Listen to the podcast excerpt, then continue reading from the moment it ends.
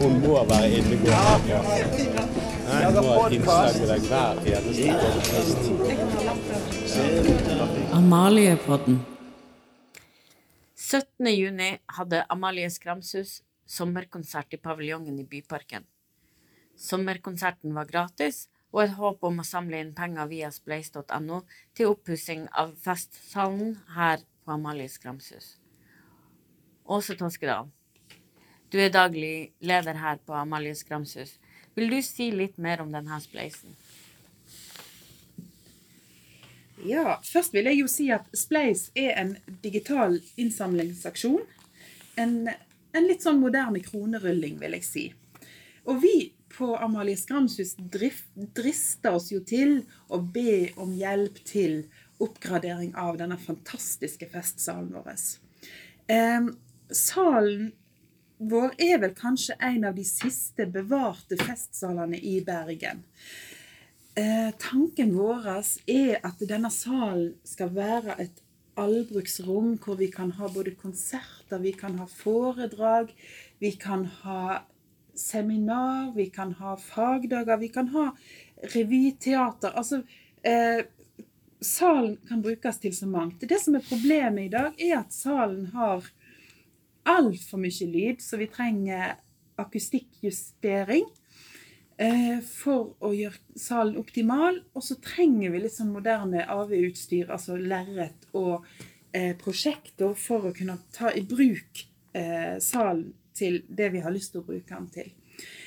Det som vi òg ser for oss, er at denne fantastiske festsalen skal ikke vi på huset bruke alene. Vi ser jo for oss at Bergens befolkning òg kan legge seg inn i salen for en rimelig penge. Og vi kan òg tilby eh, lunsj, mat fra vårt eget kjøkken til en billig penge. Hvis dere har lyst til å bidra, så sier jeg nå helt sånn ydmykt hva en kan gjøre. En kan gå inn på spleis.no slash Amalie. Da kommer en rett inn på Amalie sin spleis. Ingen bidrag er for små, og ingen er heller for store, selvfølgelig. Eh, Men vi er veldig, veldig takknemlige hvis eh, noen har lyst til å støtte oss. Ja, vi eh, håper at folk ønsker å være med på denne kronerullinga via spleis.no. Um, Nå den 17. juni så var det mange av husets medlemmer som var medvirkende til konserten. Som det er tidligere sagt, så eh, er det veldig mye eh, kreativitet her. Og det er veldig mange musikere som eh, lager fantastiske fine låter. Men du også var jo utsendt som utereporter.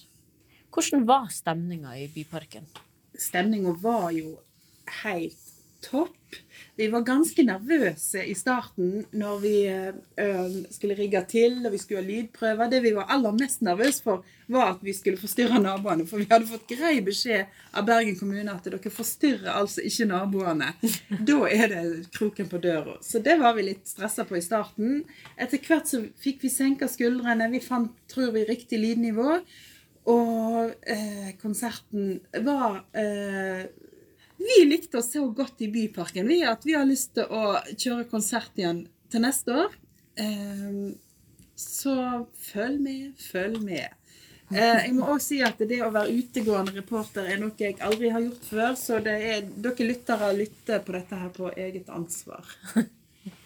Det blir veldig, veldig spennende. Vi har jo også hatt eh, opptak ifra, fra musikken, så kanskje vi skal høre litt grann på det.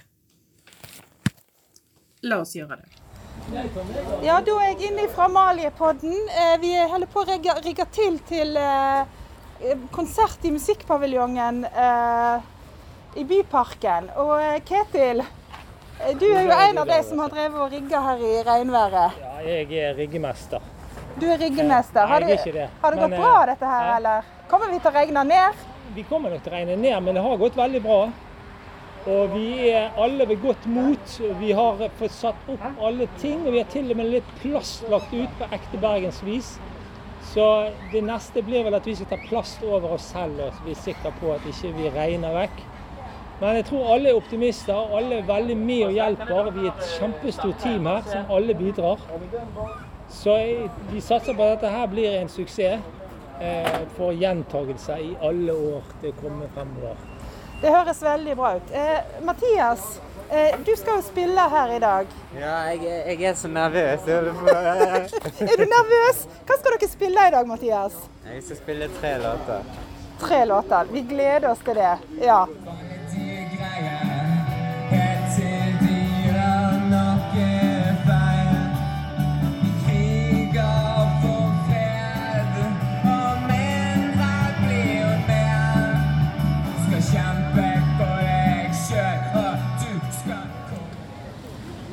Da er vi i gang med konserten. Eh, nå er det Som september som er på scenen. Jeg vet ikke, Jon. Jeg kommer fra Amaliepodden. Syns du det er en bra konsert, eller? Jeg syns det er et utrolig bra tiltak. Det er bare synd det at det ikke er sommer og sol og folk ligger strødd utover plenene samtidig. Det er litt synd, men eh, jeg savner alkoholservering for øvrig. Nei. Jeg er helt, jeg er helt enig i alt det Jon sa. Vi, jo, vi må jo si at dette er vakker og var musikk. Eh, nå nærmer jeg meg eh, Marte her. Koser du deg på konsert, Marte? Absolutt. Nå hører vi jo sånn september. Har du hørt de før, eller? Nei, de er nye for meg. Jeg har ikke hørt de før i dag. Du skal få lov å kose deg videre med konsert.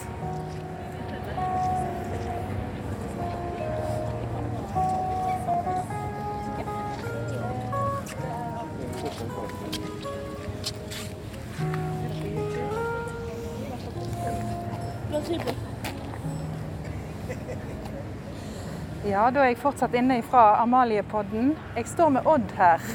Odd, du skal på scenen senere i dag, skal du ikke det? Ja, ja. Du skal det, ja. Hva skal, hva skal dere spille i dag, Odd? Vi har ikke bestemt oss ennå. Å, det blir en overraskelse. Ja, vil du være med å synge? Eh, da måtte jeg ha øvd. Nei, du kan få et papir og litt tekst. Det vi tar det neste gang.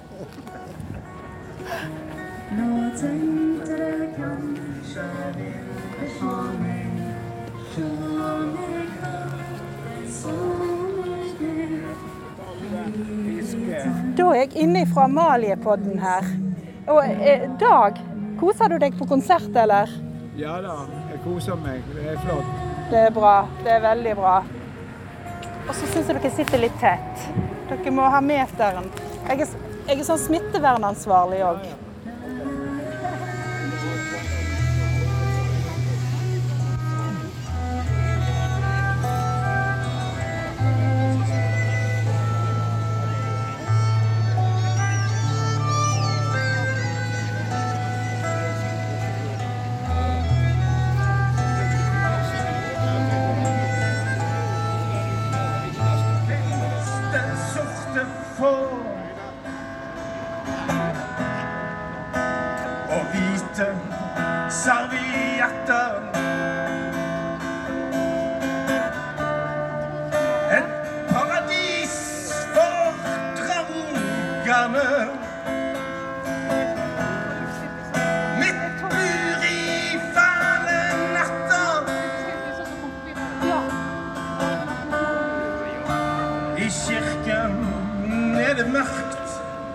Og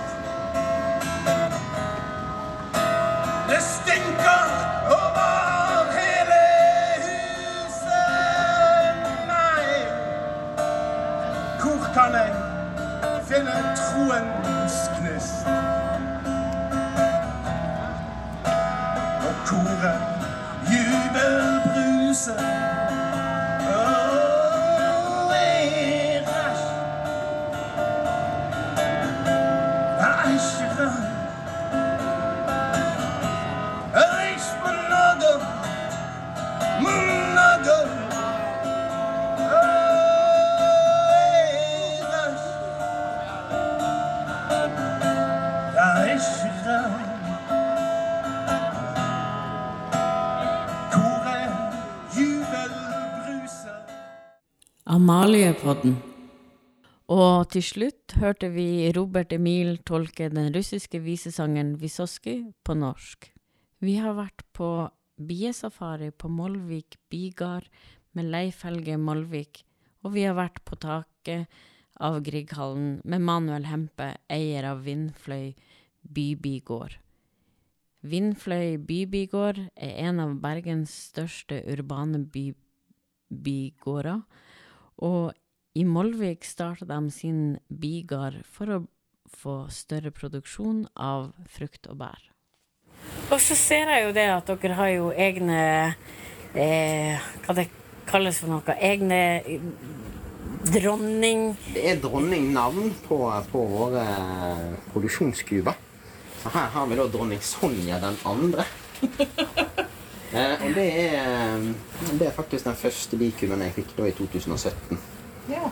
Og så er det sånn er den andre, for der har det blitt bytta dronning én gang. da. OK. Ja, for vi bytter gjerne dronninger hvert tredje år cirka. Da.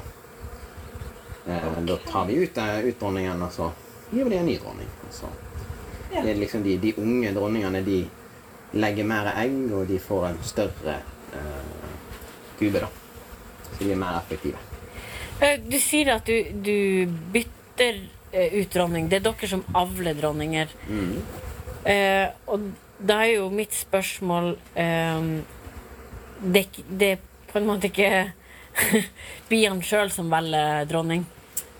Ja, altså det vi gjør, er at vi tar eh, små larver fra en god kube, der det er en snill og flink dronning. Så tar vi larver fra den, og så setter vi det inn i en annen kube uten dronning. Med bare masse bier, men de har ingen dronning. Og da vil de lage seg en dronning av den larven som de får.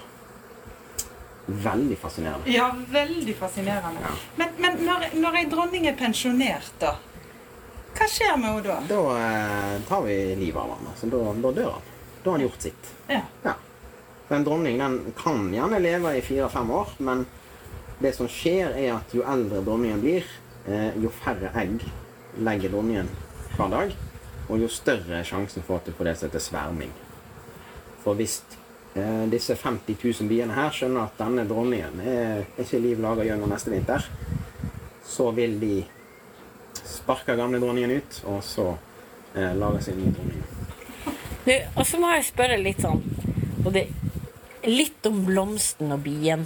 Og det høres litt sånn eh, Litt flåsete ut. Men jeg har forstått det sånn at eh, alle hannbier de De blir drept. De lever ikke på vinterstid. Ja, det er helt riktig. Eh, Hannbie heter da drone. Og det lager kuben noen hundre av, gjerne nå i mai og juni. Så når vi åpner en kube nå, så skal vi se om vi finner noen droner. Og en drone har ingen fornuftig sånn altså Han bidrar ikke med noe jobb inne i bikuben. Han er ikke med og liksom pleier biebarna eller flytter honning eller sånn. Eh, han har heller ingen brodd, så han kan ikke forsvare seg. Han kan ikke stikke deg. Så han er forsvarsløs. Eh, og han klarer heller ikke å ete maten sin sjøl, så han må bli mata. Så eneste grunn til at denne kuben velger å ha noen mannfolk, det er hvis det skjer noe med dronningen. Så må de kunne lage seg en ny jomfrudronning, som så kan fly ut og pare seg med disse dronene. Så på en dag som i dag, så er det sikkert noen hundre droner som har vært ute og flydd. En eller annen plass oppe i luften, 30-40 meter oppe, i håp om å finne seg en jomfrudronning. Og hvis de finner en jomfrudronning, og klarer å ta igjen dronningen, flyr etter den og får pare seg, så detter de ned og dør. Ja. Da har de gjort sitt. Ja. Og Mission de- completed. Da er mission completed. Og de dronene som ikke oppnår dette i løpet av sommeren, de blir rett og slett kasta ut av kuben, gjerne rundt første frostnatt, sånn starten av oktober her cirka. Og da ligger det hundrevis av daue bier utafor kubene her. Og det er rett og slett alle mannfolkene som blir kasta på dør. For om vinteren så er det én dronning og gjerne en 20 000-30 000 arbeiderbier som, som er i kuben. Ja, For vi gidder ikke å fòre dem som ikke klarer å gjøre noe arbeid for seg. Nei, altså de vil jo ikke bruke ressurser på mannfolk på vinteren, og ikke, de har uansett ikke bruk for dem på vinteren. Mm. Så da hiver de de ut, og så lager de seg heller nye mannfolk litt sånn ut i mai måned neste år. Så det, det er ganske brutalt, men eh, naturen er sånn. Det er trangt om plassen oppi her. Hvor mange tror du det ligger Nei, jeg tipper det er mell mellom 15, kanskje 15 000 20 000 de oppi her. Ja. Ja. Det vil jeg tro. Og da er det her, helt bak her, så har de fått litt mat, rett og slett, av meg. For vi hadde jo 14 dager nå med ganske kaldt. Eh, regn. Bier flyr ikke i regn. De kan ikke fly i regn, så dermed så blir de sittende inne. Og da eter de på en måte av, av det de har sanka. Og så må vi gi dem litt, eh, litt pollen, litt pollendeig, og så litt sukkerdeig. Sånn at vi er sikre på at ikke de sulter når ikke de kan ut og fly.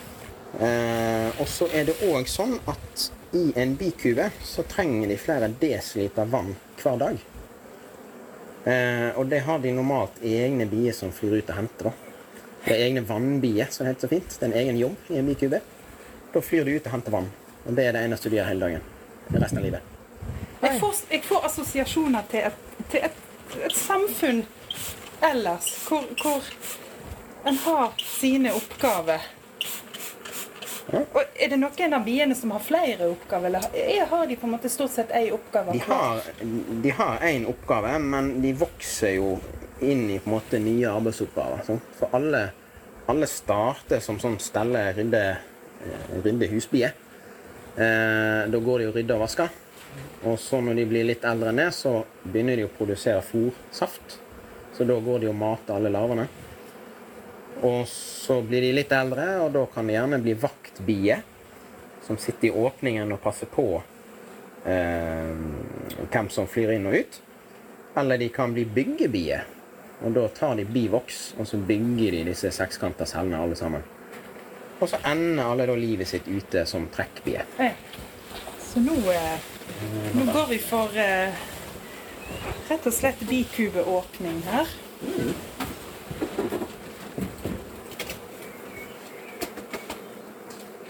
Og da ser du hvor snille og stille disse biene her er.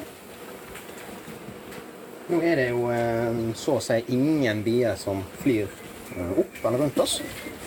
For de er opptatt med andre ting. Og så snill og rolig skal en bikube være. At du kan føre hånden sånn. Det er ingen som skal opp og prøve å stikke eller fly på deg. eller noe sånt. For nå fører du hånda di egentlig over fem centimeter over Ja, du kan prøve sjøl.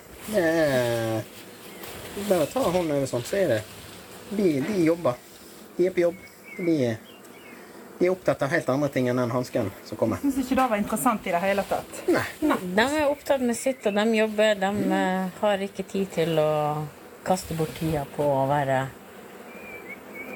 Nei da, for dette, dette er sånne snille, rolige bier som vi har uh, i våre sånne framvisningskuber. Ser du her? Her er det Det er et mylder av uh, 1000 1500 bier kanskje her. Bare på én sånn uh, mm. liten tavle. Og så ser du hvor fine sånne sekskanter Det er de cellene som biene bygger sjøl. Ja. Og inni der legger da dronningen eggene sine. Det der er altså Nå høres jeg jo forferdelig dum ut, men jeg trodde faktisk det var inni sånne der at honningen var. Ja, de lagrer honningen der. De lagrer pollenet der. Og de legger rett og slett eh, egg og, og har biebarna sine her. Ja. Hvis du ser oppå her, så ser du noen celler som det er sånn lokk på. Ja. Eh, og det er det vi kaller for eh, forsegla yngel. Så under de lokkene der så er det en ny bie som snart kryper ut. Wow. Ja. Og på denne her så er det da gjerne en 1500 sånne celler. Så det kommer veldig, veldig mange nye bier eh, hver dag opp igjen i kuet. Og så er det selvfølgelig mange bier som dør òg ute i det fri. De som liksom har, har levd livet og, og gjort, eh, gjort jobben. Ser du her de der rusler og går og jobber. Her ser det ut som det er, det er veldig mange som står med hodet inni cellene. Ser du her? ja. Det ser ut som de er veldig opptatt. de eter rett og slett eh, eter mat. rett og slett. De henter gjerne mat som de skal bruke for å uh, fôre disse biebarna sine. Og så midt inni her så ser vi en sånn dronekar. Han er litt feite, lubne karen der. Han som bare går og tråkker oppå de andre. det er en drone. Ja. Og den går egentlig bare i veien. Ser du, den bare brøyter seg fram. Og så blir han liksom skumba og knuffa litt på, for han er jo Han skal jo ikke være der. Så det er, ikke, det er ikke alltid de liker å ha disse dronene liksom gående inn i kuben. Altså, nå er jo det her honningbier. Eh, og honningbiene har jeg forstått er For å bruke litt sånn De, de er tamme. Ja, altså dette er tannbier som vi avler på på samme måte som sau og hest og gris. Der går dronningen, faktisk. Der ser du dronningen med blått merke på toppen. Og det er, det er den ene dronningen de har i kuben. Ja. Og det er mor til alle disse biene. her. Du kan tenke deg litt av en ungeflokk å, å holde styr på. Ja. Eh, og det som er med dronningen, er at den eh, er de jo veldig sånn påpasselig med å liksom passe på og, og gjemme litt vekk og sånn. Eh, for de har jo bare én dronning. Og hvis det skjer noe galt med den dronningen, så bruker de en måned før de får fram en ny dronning. Og da er liksom en måned av sesongen gått. Ja. Og da begynner det å bli litt sånn krise for å få nok mat til vinteren. og sånn. ja. Så, det, så når vi liksom viser fram eh, og sånn, så er det ikke alltid vi finner dronningen. Det hender at dronningen gjemmer seg nede helt ned på bunnbrettet, eller, eller på en måte hopper fra ramme til ramme, sånn som dronningen prøver på nå. Så nå Så vi var litt prøver dronningen rett og slett å gjemme seg, da. Ser du henne nå? Ja, går helt opp på Ja, der er vi. Og hvis du ser bak dronningen, så ser du en sånn fem-seks bier som er de samme biene som følger etter hele tiden. Og det er dronningen sitt sånn personlige hopp. Eh, og det er de som eh, på en måte passer på at dronningen har mat, og plukker vekk eh, bæsj og, og, og rusk og rask og sånt, og liksom følger etter dronningen og gir henne alt hun trenger. Da. Og så ser du òg det at når dronningen kommer, så flytter alle andre bier seg. Det, det er litt sånn instinktivt eh, at de, eh, de vet liksom at her kommer dronningen, da må vi ha plass. Så det dronningen gjør nå, er at hun rusler rundt og ser etter nye ledige sånne celler. Som hun da kan legge egg oppi. da. Ja. Men så ser jeg det at hun begynte å bli litt sånn småstressa. Hun ser hun går litt sånn Ja. fortere. Og da setter de rett og slett dronningen ned i, ned i kuben sin. Du, når det gjelder sånn tambier kontra eh, de 208 artene villbier som vi har i Norge i dag. Du, eh, jeg lurer da på eh, eh, Kan vi eh, Er det lurt da at vi får flere tambier for å på en måte bevare den her eh, polliniseringa, eller? For, jeg, jeg lurer jo fremdeles på hvordan vi kan bevare villbiene. Ja, altså jeg tenker jo som så, hvis du tar sånne regnestykker da, la oss si det er en million løvetenner som blomstrer samtidig. Og de ville insektene, de rekker kanskje bare å besøke tusen av dem. Eh, det året. Og så skal jo de tusen spre seg, og så blir de kanskje ikke en million neste år, det blir færre blomster rett og slett. Og hvis det blir færre blomster, så blir det jo i hvert fall færre insekter. Så jeg har en tro på at det å ha eh, tannbier i begrensa mengde, da, eh, hjelper til med å få flere blomster til å blomstre. Eh, og flere blomster til å spre seg. Og får du flere blomster på et område, så vil du òg få flere eh, ville pollinerende insekter. Og det ser vi òg her inne nå med humle. Altså Humlebestanden her har vokst nå de siste årene. Det ser vi helt tydelig oppe i, i bringebærfeltet, som vi kan gå opp og se på etterpå. Så det, det er rett og slett litt vinn-vinn, dette her. Ja, altså jeg har en teori om at det er vinn-vinn. For hvis biene mine kan pollinere alle blomster som er 3 kilometer radius, eh, så vil det være mange humler og andre ville pollinerende insekter som lever innenfor det området, som da vil rett og slett få mer, altså større tilgang på mat. Nettopp fordi at geitramsen klarer å spre seg, løvetann klarer å spre seg, eh, Selje selje, alle, alle blomster som har eh, måte viktige pollenkilder og nektarkilder som får både våre bier og eh, humle og andre pollinerende insekter, villbier og sånt. Det var helt tydelig. Og nå føler vi jo vi oss veldig heldige som fikk se, se selveste dronning òg, da. Anette, jeg fikk litt assosiasjoner til The Crown. Tenkte jeg skal hjem for å se, se en episode på Netflix i kveld. Er liv, liv er liv, og hierarki er hierarki. Det er helt sikkert. Ja, absolutt. Eh, Og det er virkelig det å kunne få se forskjellen på eh, ja, de her eh, Hvordan dronninga ser ut i forhold til eh, de arbeidsbyene. Eh, Og det at hun hadde hoff, eget hoff, det var Det er litt kult. Ja, det er veldig kult. Amaliepodden. Manuel eh, Hempe er den som, er den som har den største urbane birøkteren Er den største urbane birøkteren her i Bergen. Ja, Det kan man si blant, blant de største. Ja. Så vi, vi står her nå midt i sentrum på taket til Grieghallen, og det er åtte bikuber her oppe nå. Så, og i enhver kube er det til høysesong nå. Uh, midten av juni, slutten av juni, rundt 50 000 bier per kube. Um, ja, og de produserer så bergensk buhonning. Flyr som en, ja, i en radius av opptil fem kilometer, hvis de må gjøre det. Eh, men vanligvis ikke så veldig langt, fordi her i byen finnes det masse forskjellige blomster og trær eh, som gir god med nektar og pollen egentlig hele sesongen rundt.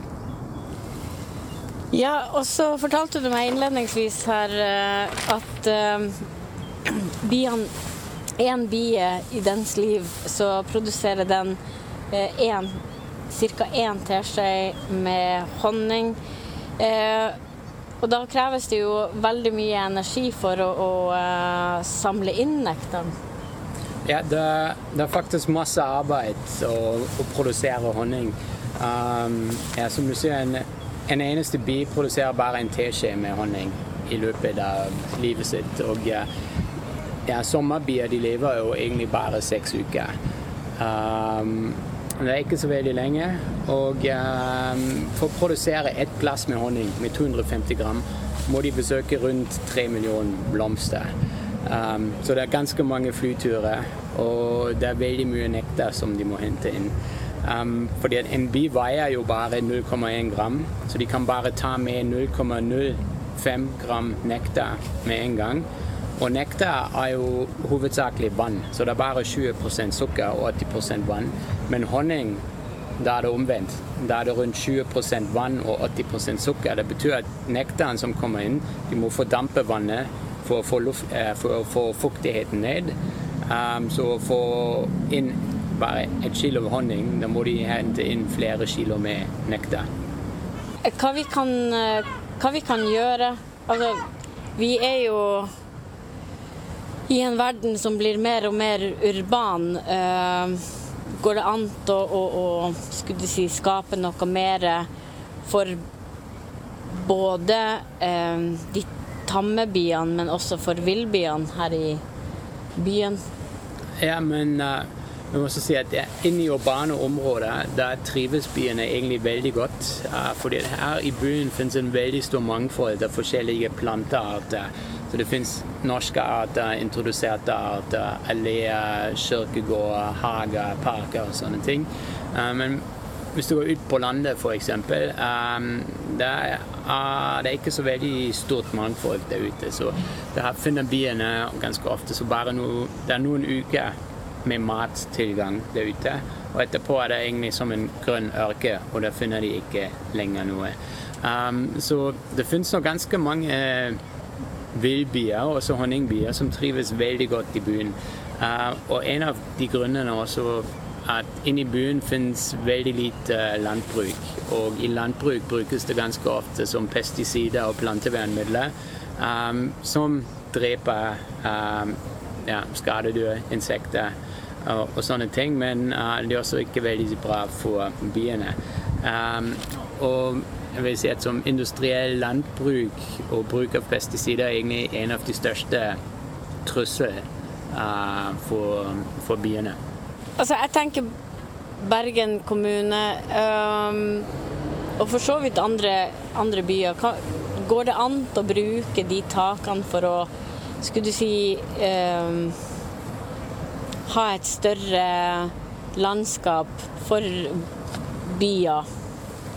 Um, ja, egentlig hvis man ser på byen via Google Max fra fugleperspektivet, egentlig, er det jo halvparten av overflaten som er ikke i bruk, som er bare hustak. Så en stor del av det, et veldig stort areal inne i byen er egentlig uh, står tomt. Og det finnes ikke et uh, bedre måte å um, organisere dette og bruke disse områdene. Og her står vi på, på taket til Grikaen et ganske stort areal midt i byen, og det er egentlig perfekt for bier. Så vi er opp fra gatenivå. Uh, biene de står her veldig sikkert. Det er ingen kollisjon mellom bier og mennesker. Uh, samtidig står de midt i byen. Um, vi ser det som svart takpapp, så det er ganske varmt her oppe. Så dette skaper et mikroklima rundt bikubene, um, og de, de, trives veldig godt her oppe. Um, så det er egentlig, hustak er egentlig et perfekt sted for å plassere bier. Uh, det som er vanskelig med hustak og birekt i byen, er det er en god del mer arbeid enn ut på landet. Fordi vi må bære bikubene opp på taket. Det er dårlig tilgang, ganske ofte trapp. Um, ja, vi må, må, løfte alt opp og ned, så det, det, tar mye mer tid og mye mer arbeid å produsere honning på hustak. Hvis, man har byer ute på landet, kan man bare plassere de i en lang rekke, kjøre med bilen rett bak bikubene høste honning, um, fordele bikuber rundt, så det går ti ganger fortere enn en her hos oss um, på taket. Så jeg så lurer jeg jo litt på eh, Kan hvem som helst bli birøktere? Um, ja, man trenger litt tid. Fordi det er ganske tidskrevende, så man trenger litt tid. Man trenger litt um, lagringsplass hvor man trenger en god del utstyr og sånne ting. Um, ja, men uh, teoretisk kan enhver bli birøkter. Hvis man er allergisk mot bistikk, da er det kanskje ikke den beste ideen å bli birøkter. Um, men det viktigste er at man får god utdanning og kompetanse, at man tar kurset. Fordi at uh, Hvis man begynner med bier uten kurs, det er veldig vanskelig. Man kan lese veldig mange bøker, um, men hvis det står på en åpen bikube første gang, og det er 50 000 bier som kommer ut av den. Uh, det, er, det, er, noe helt annerledes. Så man trenger en god uh, utdannelse, og er, egentlig må man ta nybegynnerkurs når man begynner med bier for å komme i gang med det. Og det er også bra, for dette kan man også finne ut om det er noe man har lyst til å jobbe videre med etterpå. Uh, det er flere birøkter som tenkte at det ville være Eller at er litt enklere enn de hadde tenkt. Eller det er litt mer vanskelig enn de hadde tenkt. Um, og da må de gi seg igjen etter en sesong. Fordi det er også ganske skal si, En honningkasse her som vi har på toppen, den veier rundt 30-35 kg, Så det er ganske tungt. Så det er litt um, koster masse energi å bære de rundt, så det er ikke for enhver. Men um, teoretisk kan enhver begynne med bier. Eh, du, eh, på, på nettsida så står det at du er organisk eh, birøk, birøkter. Og, og, når vi var på vei opp hit i taket, så eh, fortalte du om eh, den, det forarbeidet du gjør. Eh, sånn at det, biene skal ha litt mindre å gjøre. Altså litt mindre arbeid på biene i forhold til energi. er det det som er du må fortelle litt mer om det. ja. Um, jeg, jeg jobber med en god del med sånne organiske metoder, men jeg er ikke sertifisert økologisk birøkter. Um, fordi vi er i byen, og regelverket sier hvis du har bier i byen, da får du ikke lov til å kalle deg økologisk birøkter. Man må ha litt avstand. Um, ja, jeg tror det er som en litt Ja, man kan uh, snakke litt om det. Men uh, ganske ofte er det jo sånn at uh, bier som er ute på landet i landbruksområder med masse pesticidbruk, at uh, det finnes veldig mye forurensning i honningen, avhengig av årstid og hva slags plante de henter det fra. Uh, så jeg kommer egentlig fra Tyskland og Europa. Det finnes sånne store rapsarealer. Mm. Og det er ganske mange birøkter som flytter bikubene vekk fra rapsen. Så om det er en veldig god trekkplante, fordi de er veldig redd for disse pesticider som kommer inn i honningen. Men her inne i byen der er det jo ingen som bruker det. Det er ingen som bruker Roundup på balkongen. Det er ingen storskala pesticid- eller sprøytemiddelbruk. Um, og de har kjørt noen tester i Europa, forskjellige byer, i Berlin, i Paris, uh, i Nederland. Og det var honning som kom fra byen veldig rent pga. Um, veldig lite bruk av sprøytemidler. Um, og andre forurensninger som vi har i luften her, f.eks., som støv f.eks., det går ikke inn i honningen eller i nektaren, så det er egentlig ikke et uh, problem. Eh, Vi sier tusen takk til um, Leif Helge Molvik og Manuel Hempe for at vi fikk komme på besøk.